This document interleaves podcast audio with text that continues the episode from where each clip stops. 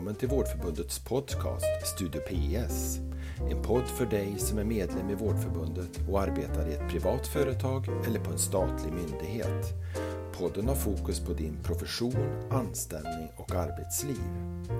Idag får du lyssna på ett samtal mellan Jessica och Per Marcus om hur akademisk specialisttjänstgöring, AST, kan göra skillnad för din profession men även för din arbetsplats. Trevlig lyssning! Hej och välkomna! Mitt namn är Per Marcus Risman. Jag är facklig verksamhetsutvecklare på Vårdförbundet och jag är här med Jessica Bergman, förtroendevald och skyddsombud på Avonova. Och vi ska prata akademisk specialisttjänstgöring och karriärsbyte. Eller hur Jessica? Ja men det är precis, det ska vi. Hej! Ja. Hej! Roligt att ha med dig. Ja, men tack! Du, visst är det så? Ni har AST som det då förkortas, eh, akademisk specialisttjänstgöring på er arbetsplats. Vad, vad är AST för någonting? Jo, men AST hos oss är ju då den här akademiska specialisttjänstgöringen där vi har möjlighet då som sjuksköterska att läsa vidare till företagssköterska eh, via olika mm, högskolor eller eh, diverse där den utbildningen finns. Då. Just ja, exakt. För det, det AST är ju ett, ett eh, avtal eh, som eh, din arbetsgivare har tecknat med oss i Vårdförbundet eh, för att möjliggöra att ni då kan läsa vidare på arbetstid. Visst är det så? Jajamän, stämmer. Mm. Hur funkar det då? Eh, jo, men det funkar ju så att vi har ju tio dagar till förfogande per termin då där vi får lägga eh, tid för studier. Sen har vi också avsatt för när det kommer till uppsatsen. Eh, jag själv läste upp i Örebro och då hade vi så att vi åkte dit eh, söndag till torsdag. Vi eh, studerade då de dagarna och fick också betalt för det av mm. arbetsgivaren mm. där då. Och hotell och logi och mm. resa. Så om jag förstår saken rätt här alltså. Eh, I din tjänst så eh, genom det här avtalet så har du möjlighet att på eh, företagets bekostnad kan man ju ändå säga mm. läsa vidare samtidigt som du har möjlighet att arbeta eh, nära eh, patienterna då, eller kunder som det är på företagshälsovården oftast, men ibland också patienter. Så du kan liksom kombinera både studier och arbete, praktisk erfarenhet. Ja, men det stämmer. Eh, och det har varit väldigt bra att jobba nära verksamheten, eh, som du säger där, i kombo med att man också studerar och, också praktiskt kunna utföra de momenten som vi gör då och har gjort i vissa av de här kurserna mm. till företagssköterska det jag läst. Då. Mm. Mm. Och det är då bara företagssköterska ni har eh, på Avonova? Det jag känner till, ja. Um, och det har man då landat i för att det är det behovet eh, eh, ert företag har helt enkelt. Har jag förstått saken rätt då? Mm. Ja men precis. Vi är ju många sjuksköterskor. Nu vet jag inte exakt hur många vi är inom organisationen men det är en stor andel som är sjuksköterskor. Eh, när jag fick uppgifter, nu är de kanske ett år gamla men då var det kanske 60-talet som var just vidareutbildade till specialistsjuksköterskor.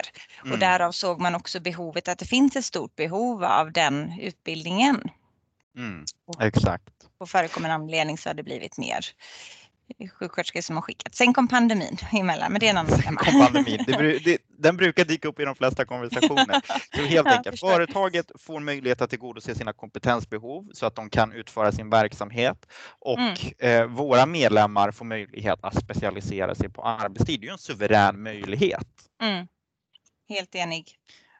Det, det är ju eh, alltid lite känsligt att prata om lön så här. Det anses ju lite fult, men eh, som specialistsjuksköterska så ska ju det synas i, i kuvertet. Tycker du att den dialogen har funkat bra med din arbetsgivare? Ja, absolut. Det tycker jag. Eh, och där är ju arbetsgivaren också väldigt tydlig med att det, det är prestation och insats är ju också det som avgör. Inte alltid bara att man vidareutbildar sig utan faktiskt vad man gör och hur vi jobbar mot kund till exempel och, och vilket arbete vi då utför. För det blir ju klart en kompetenshöjning när man har, har gått en AST. Mm, mm. Mm. Um, om vi tar då ett steg tillbaka och kanske tar det lite bredare perspektivet tänker jag här eh, och tittar på arbetsplatserna i sig. Hur, hur, blir en arbetsplats bättre eh, av att möjliggöra vidareutbildning och kompetensutveckling? Jättebra fråga. Det finns ju många goda skäl till det tänker jag. För delvis så får man ett helikopterperspektiv på en verksamhet så som jag har jobbat inom denna organisationen och inom denna branschen. Eh, man ser ju kunden på ett annat sätt eh, med de delarna vi har gått igenom på utbildningen till exempel. Och jag tänker generellt utbildningar gör ju att man, man får en grundläggande kunskap och sen så kan man implementera det på olika arbetssätt och delar i verksamheten som man är i. Så det blir ju mm. som du uttryckte innan där en win-win situation både för arbetstagaren och arbetsgivaren. Mm, mm. mm. Och hur eh, Förutom då den såklart uppenbara fördelen att man får läsa vidare på arbetstid, det är ju en, en förmån om någonting. Eh, mm. Hur blir det bättre för de anställda i sin vardag?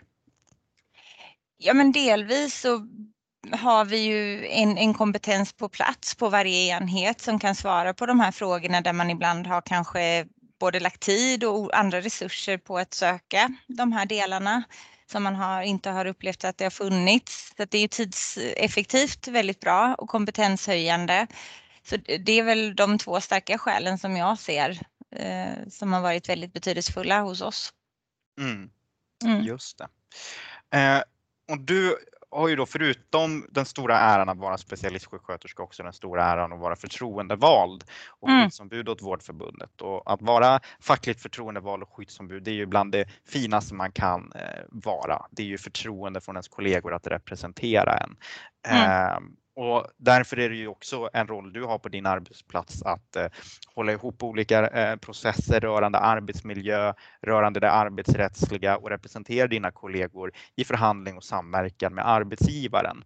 Mm. Eh, om man tittar på den rollen då du har som förtroendevald, varför skulle du säga att det är viktigt att ha förtroendevald om man vill ha AST eller snarlikt eh, på sin arbetsplats? Jo, men alltså, jag brukar säga det till kollegor som undrar och så där också vad, vad, rollen innebär och så. Men att vi är ju tillsammans Vårdförbundet, men, men jag blir språkröret uppåt i organisationen. Och i den centrala samverkan vi har där jobbar vi med, väldigt mycket med frågor som kommer från medlemmar. Medlemmar ringer mig till exempel eller mejlar. Eh, jag tar med mig uppåt så att det blir ju även om man många gånger kan få den här frågan från medlemmar att men, hur jobbar ni så? Och jag säger ni, vi jobbar ju tillsammans med frågor men att lyft dem via mig så lyfter jag dem vidare för att vi ska få en så bra lösning för båda parter. Mm. Mm.